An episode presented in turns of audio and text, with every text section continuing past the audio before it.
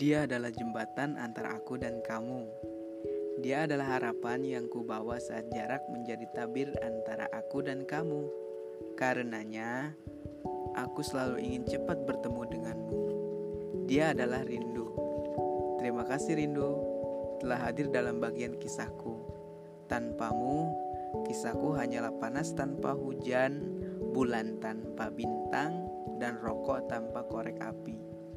Karenamu juga, aku selalu ingin memberi kabar, cepat-cepat membalas chat, dan bangun lebih awal.